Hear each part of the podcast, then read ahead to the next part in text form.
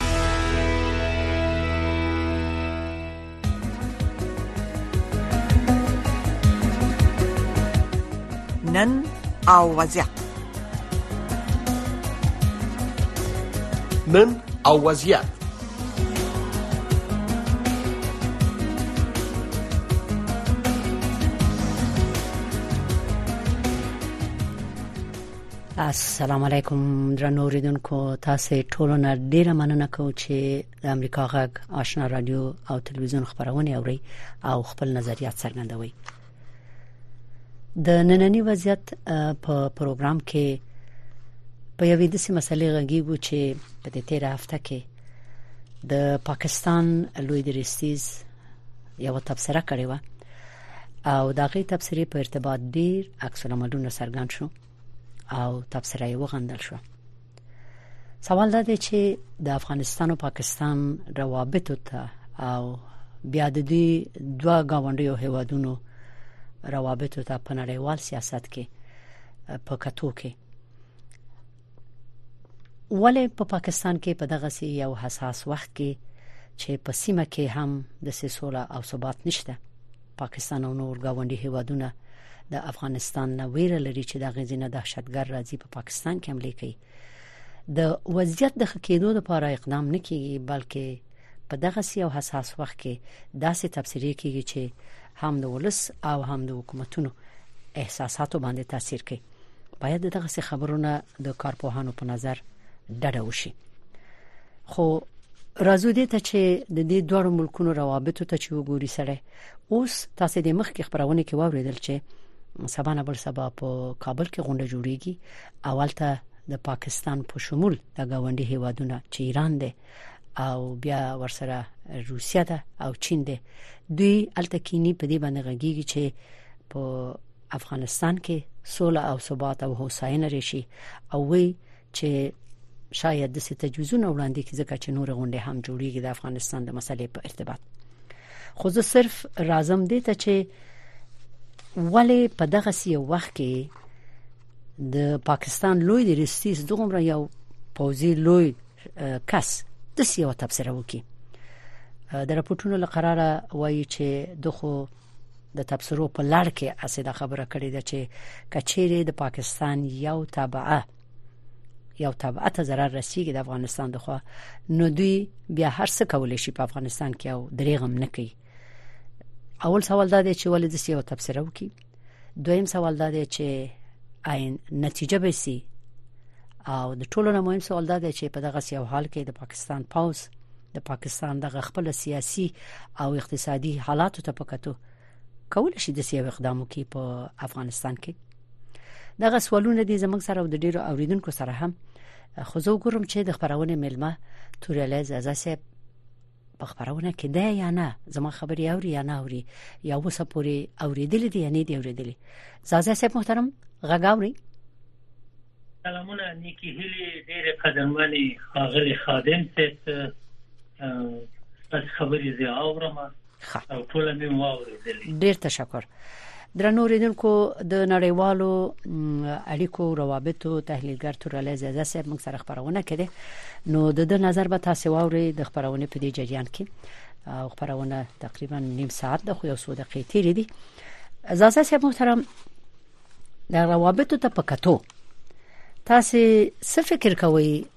د دې خبرې ضرورت وو دغه سیوی تفسیری ضرورت وو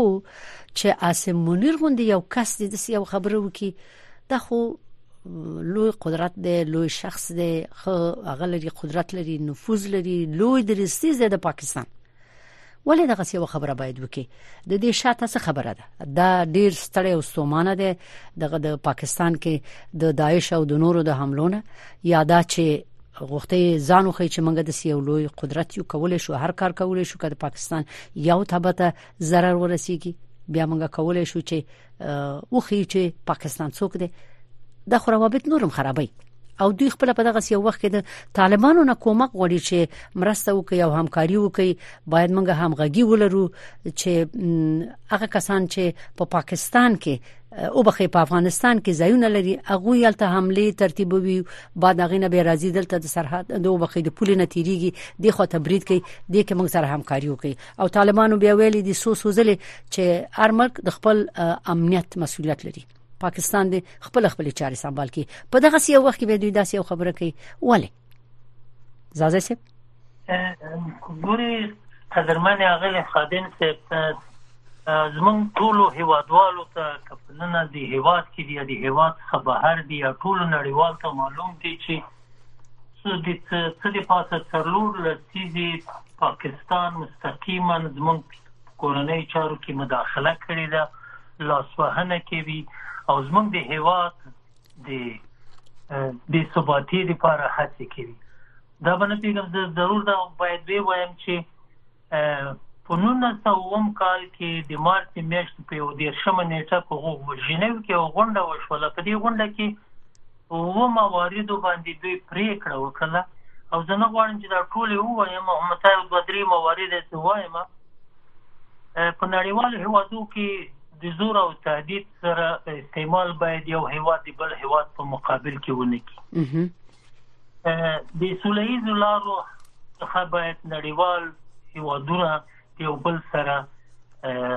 ټول ستونزې باید حل کړي د بل هیواد په کورنۍ چارو کې باید لاسوهنه ونه کړي د دولتونو حکومتونو په منځ کې متقابل همکاري باید موجودې وي چې دا ماته مهمه وي بله او دغه پریکړه هم په 1940 کال کې کله چې د لومړي ځل لپاره د ملګرو ملتو ملګری ملتونه ایجاد شول او په لومړي غونډه کې د امنیت شورا د افغانستان څخه عبد الحسین عزیز نومېدل چې د افغانستان د وخت حکومت خلته لګل شوی وو هغه غونډه کې برخه واخیستله دغه دغه و موارد باندې هم هلته پریکړه وکړه او تصمیم یې ونیول اوس چې تاسو د اوسنی حالت ګوري د څه هیوادونه چې دي د هغه هیوادونه خصوصا چې د ملګرو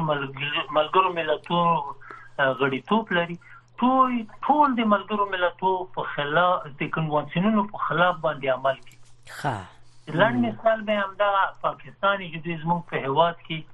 تاسو ته معلومه یي چې په خپله د د وخت د جیمی کارتر مشاور او بیا د ریګن مشاور رولن ریګن مشاور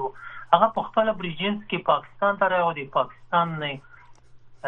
همدغه مجاهدین ته د افغانستان پر وړاندې د جهاد اعلان وکړو د دې نه څوک نشي منکرېدل چې د څو لسیزو کې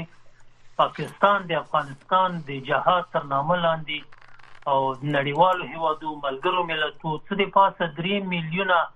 افغان مهاجرین راجستر شویو په پاکستان کې د هر مهاجر په سر باندې په هغه وخت کې د ورځې درنیم ډالره تاسې هغه درنیم ډالره د درې میلیونو ډالر سره ضرب کړئ چې د ورځې دوی څو میلیونه ډالر اخیستل پاکستان په خپل کوم پرمختللی هیواد نه وو او د مهاجرینو کومکونو نه دوی پاکستان آباد کړو اوس هغه ګټې چې دي د پاکستان د لاسه وتلې دي، اوس غواړي چې دا خپلې ټولې ناروا ناوړینې چې دوی پر افغانستان کې کړې دي،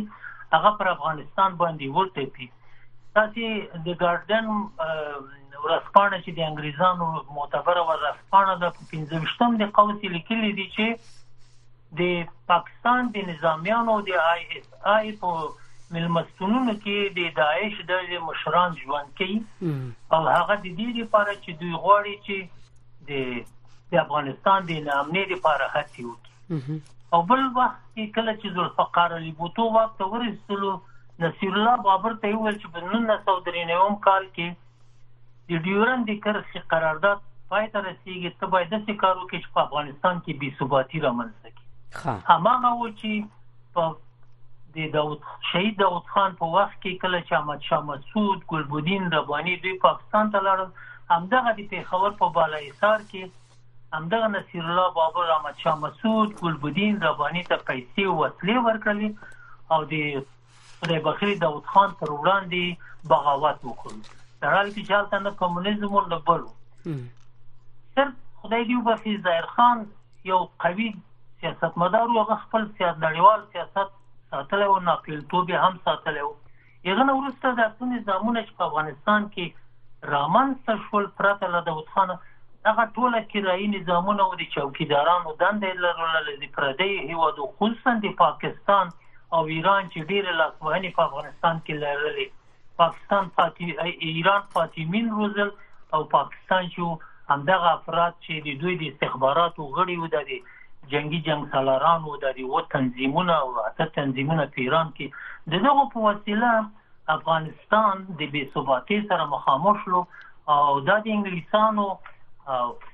روسانو یو فورمول ده چې کله غواړي پر هیواد باندې برید وکړي او خپل سیاسي اهداف هلته ترلاسه کړي نو باید په هغه هیواد کې مذهبي قومي سمتي ژبني امراض واچي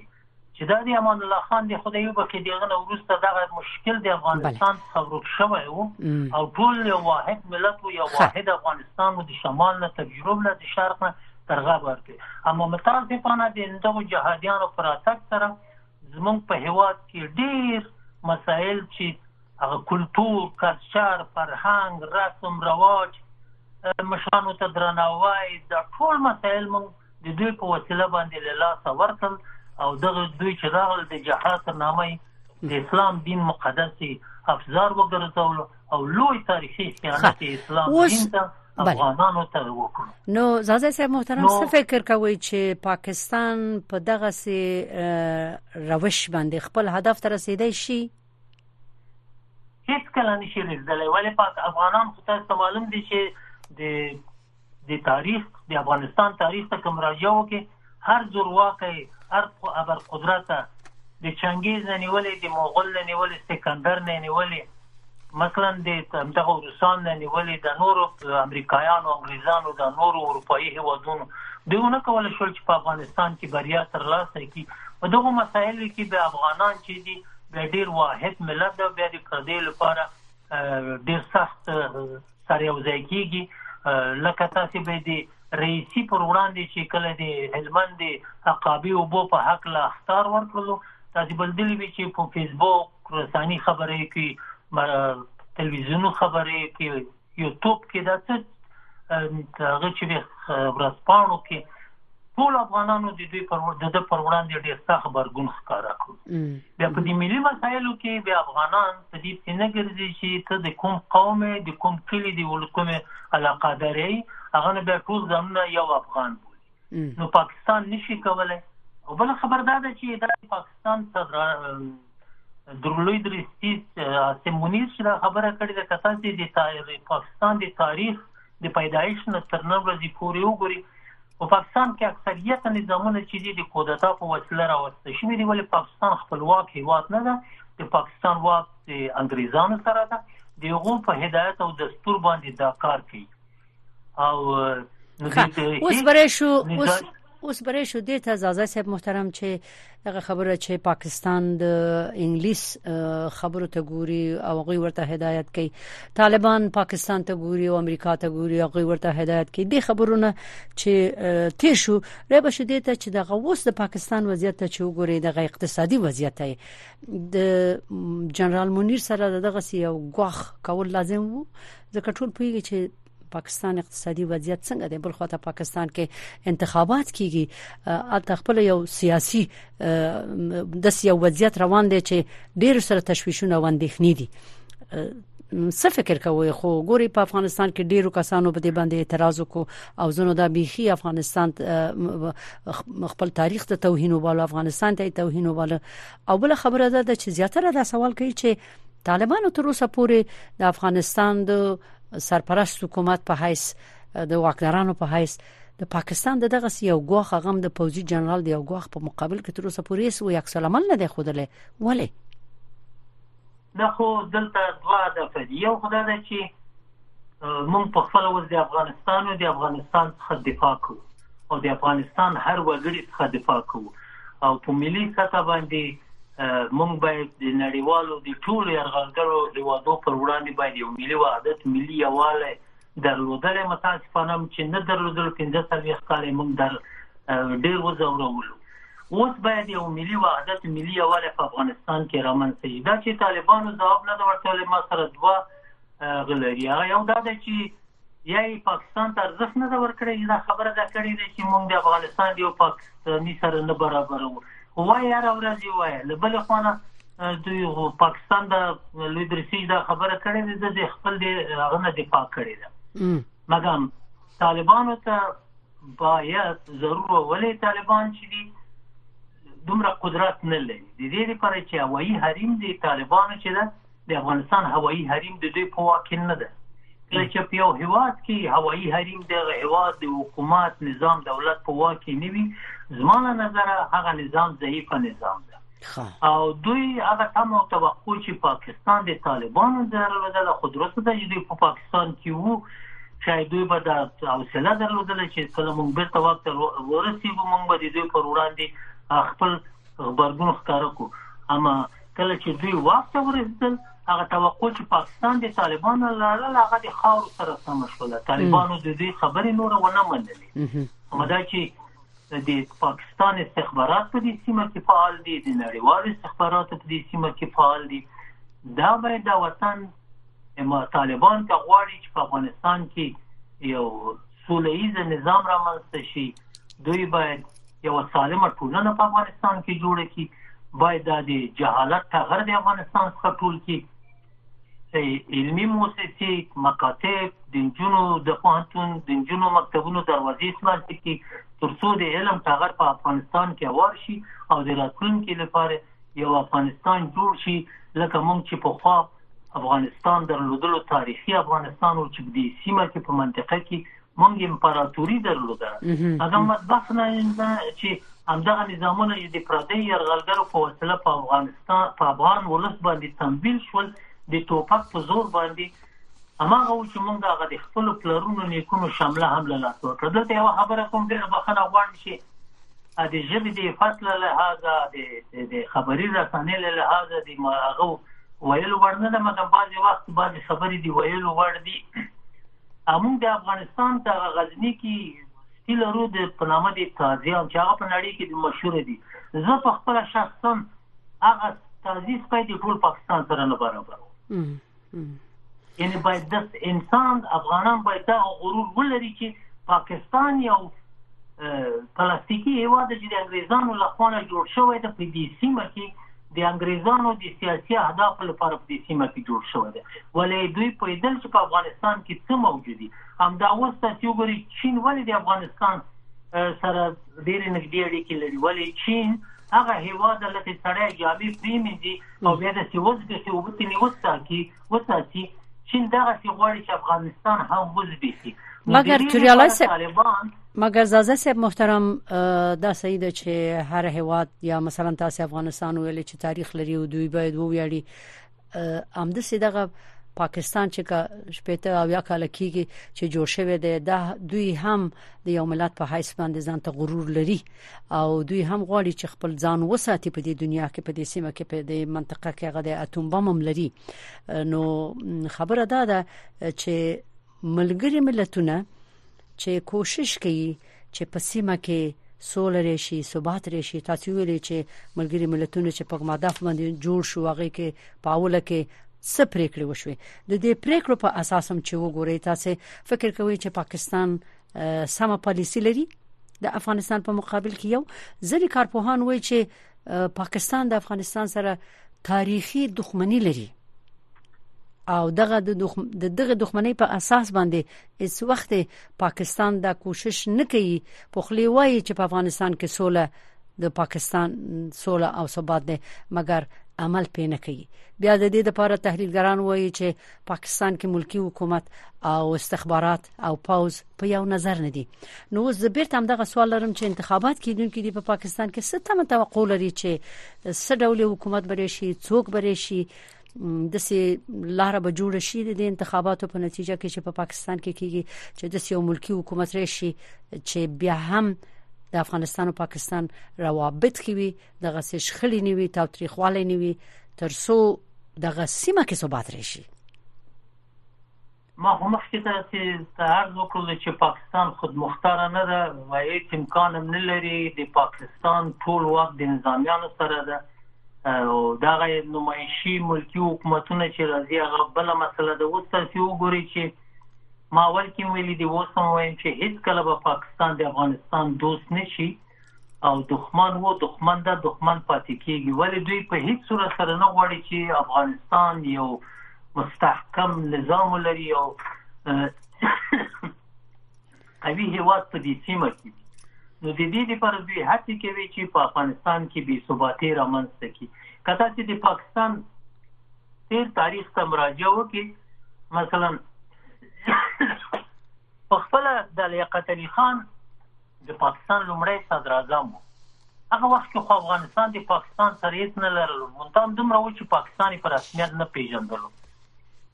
کله چې په کمپني باغ کې ده سل زرو نفرو ته خبرې کولې، هلته ده دوه ډېرې سپکې خبرې وکړې، چې یوه یې وویل چې زه افغانستان په دوه ورځو کې نه ځم. له هغه نه مخکې پاکستان ته افغانستان هیڅ کوم تهدید د په افغانستان له خوا ورته مواجه نه متوجه نه او بل خبره بعد خبرو کله چې زنه شم کولای غوایم چې د افغانانو مهربانو په حق لوه نغه دویمه خبره چې وردل دي غازی ببرک خان زدران زوی سید اکبر شاه زدران التران سو زوی مرترو از زوی ته چول ته د دې زنوزه دا نونه سوي او پندوسم کال دی اکتوبر شپاړسمه نیټه وه بله سید اکبر شاه ته پنچه راوبسله لیاقت علي خان په دریو ډزو چې یوې په دې مخامخ په دې ټنډه او بلې په دا زړه او بلې په دې خېټه باندې ډز ور باندې وکړ مستای په ځای مردار کړ هماغه سید اکبر شاه هم مالته ځای په ځای دی آی اس آی د سربازانو له خوا نه شهادت ورسېدل یغنه وروسته چې تاسو راشئ هر په خپل امریکا مثلا یوازینی صدر اعظم چې د افغانستان په ضد عمل ونو کاغه سکندر مرزا امریکا غوښتنه تنه وکړه چې موږ ته اجازه راکړي چې موږ په پاکستان کې یو یې اډه جوړه کړو د خپل کشفي تیارو لپاره چې د دې ځای نه د افغانستان د حریم نه پرواز وکړي د شوروي نه مونږ ته انځورونه واخلي سکندر مرزا ورسره ونه منله او ایوب خان په وسیله کودتا ور باندې وکړه او سکندر مرزا لاړ زندان ته لکه د ایران صدر اعظم مصدق غونډه په زندان کې مړ شو بله د تاریخي واقعاتو پیښونه چې بیرته شو دغه نننی وضعیت ته او حالت د دنیا او د سیمې په تیر بیا د افغانستان وضعیت ته ته څه فکر کوي چې په دغه سی وخت کې څه لازم دي طالبانو ته چې واکداران دی وسالته چې د دې خپل گاونډیانو سره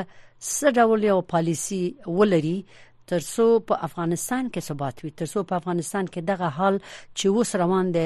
بدل شي او د دې دوه د غونډې نمخ کې حالات بدل شي لګ نرمخت رشي په دې سیاسي حالات او وضعیت کې د طالبانو په دې دریس کې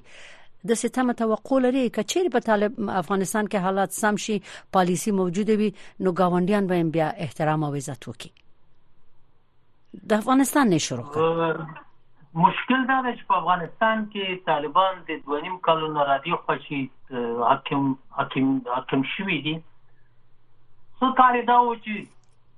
سوله یې راوستله، پوله او جغرافیا کې حاکم شول، هغه غله وو، چپاولګرو، غارتګرو چې هغه یې له منځه یووړل، وتښتېدل، د افغانستان د نظامي قواوو تجهیزات چې وو، هغه یې ټول د پنجشېر نه راوړل او یو څه به باید ووایم چې دومره جنایت چې دوو نفرو د افغانستان ملي دفاع وزارت یا د افغانستان حدود حربې ته کړی و، تاسو به په هیواد کې په نړۍ کې به هیڅ هیواد ونه ګوري چې د دفاع وزارت د پردیو ګټو لپاره چې هغه د هغه هوا د عزت او حیثیت او ناموس او شرف نه ملاتړ کوي دوه کسو دا وزارت دفاع لمنځه یو چې یو احمد شاه مسعود وو بل بسم الله محمدي محمدي وو اوس باید طالبان په دې باندې پوه شي چې دوی په خپل منځو کې ستونزه لري همدا اوس د نجونو مکتبو په مورد کې د بهرنی چارو وزیر وزارت مرستیال ستانکزای متقی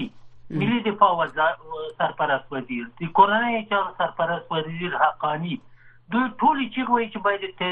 نجونو مکتبونو دروازې باید خلاصې شي، مګر په دوی کې شته یو څو نفره چې مستقیما دایرکټ د پاکستان د آی ایس آی سره ارتباط لري او یو شمیر یې هم ډیره سرمایه په پاکستان کې لري. اوس دوی څنګه کولای شي چې د څلوېښت میلیونو وګړو په سرنوشت باندې د یو پردي هیواد او یا د خپل شخصي منافع لپاره دا ملت قرباني کی دا خو هیڅ چاته د منلو وړ نه ده هیڅ څوک حق نه لري د نړۍ په د ملګرو ملتونو شپاړسمه ماده ده په هر دین په هر مذهب په هر هیواد کې چې وي هر کجلې وی کلی الک وی دا حق لري چې تعلیم وکړي او تحصیل وکړي دا وطن دوی راتلونکي په چا باندې ساتي اون دومره هر ځای کې دوی مدرسې جوړي هر ځای کې دوی د مدرسونه فارغان کیږي اوس تاسو وګورئ د جمهوریت په وخت کې یو لک شل زره جماعتونه په ټول افغانستان کې وو چې بل لک څلوېښت زره ملا او طالب هغه کې ژوند کول بله نو دا به چې اوس شل کاله نور دوام وکړي، افغانستان نو لاړو په خپله مخه تعلیم، تحصیل دا هر څه ټغر په افغانستان کې ټول شو. دوی دا دي چې د دوی د زړه سر یو څوک یې دا به ورسره ونه مني چې دوی د تعلیم او تحصیل دروازې تړلي. نو د دې لپاره دوی باید په اوله په خپلو منځو کې راکیني افغان بیچاره ولس د سنتی هیواد د ویزا شکر ده الحمدلله مسلمانان دی راغلی دی اسلامی هیواد ده مګم په دې نه پیږي چې د دې هیواد راتلونکي ته څه څه شیانو ته اړتیا ده دا نو د طالبانو د لپاره لوی خند کدی ته دوی دوام ورکړي مخکې لدینه چې بله اخر کې یو سوال اخر کې یو سوال مجبور دي دا مکتبونه بله تورل زازه سبا خیر کې یو سوال او غام دا چې فکر کې چې دغه نرمخت برې شي په طالبانو کې سره د دې چې په دوی کې دوه ډلې دي کدوې دغه دوه ډلې سره یو ډلې شي او ټول د افغانستان دغه منافع ته وګوري تعلیم او تحصیل او کار او د خزو مثلا بیرته موجودیت په ټولنه کې په ټولو چارو کې د دوی برخه اخیستل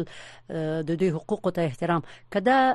وشي په افغانستان کې خو د دوی موقف نورم ټینګيږي او بیا پاکستان ایران د نور گاونډي گاونډي هیوادونه به احترام وکي غوښونه به ورته نیوي او په نړیواله ټولنه کې به ومنل شي د دې امکان ویني په طالبانو کې بله دوی خو دا نن چې پاکستان ایران د یا مثلا د روسي بهرنیو چارو وزیر سرګي لاروف مستقیما مداخله وکړه وایي په افغانستان کې ټول ګډون حکومت باید راشي دا د دوی د ناتوانۍ او ضعیفۍ له لاسه ده که چیرته دوی د خپل ملت د افغانستان د د 40 میلیونو وګړو مشروعیت ترلاسه کړي ملي یواله ملي وحدت ملي حاکمیت په افغانستان کې حاکم کړي، لویه جرګه راوغواړي،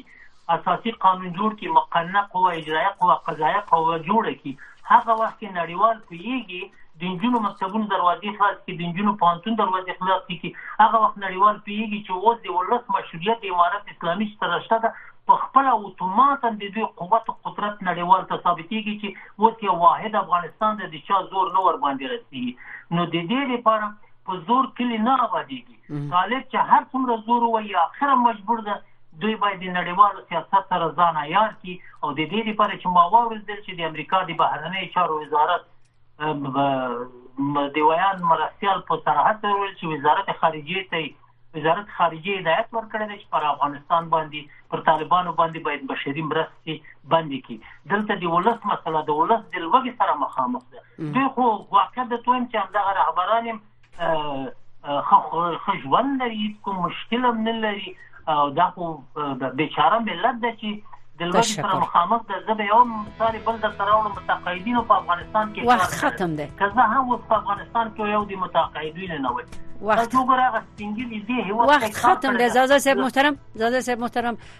ډیر تشکر د معلوماتو نه مو خپل نظر او تحلیل مو وک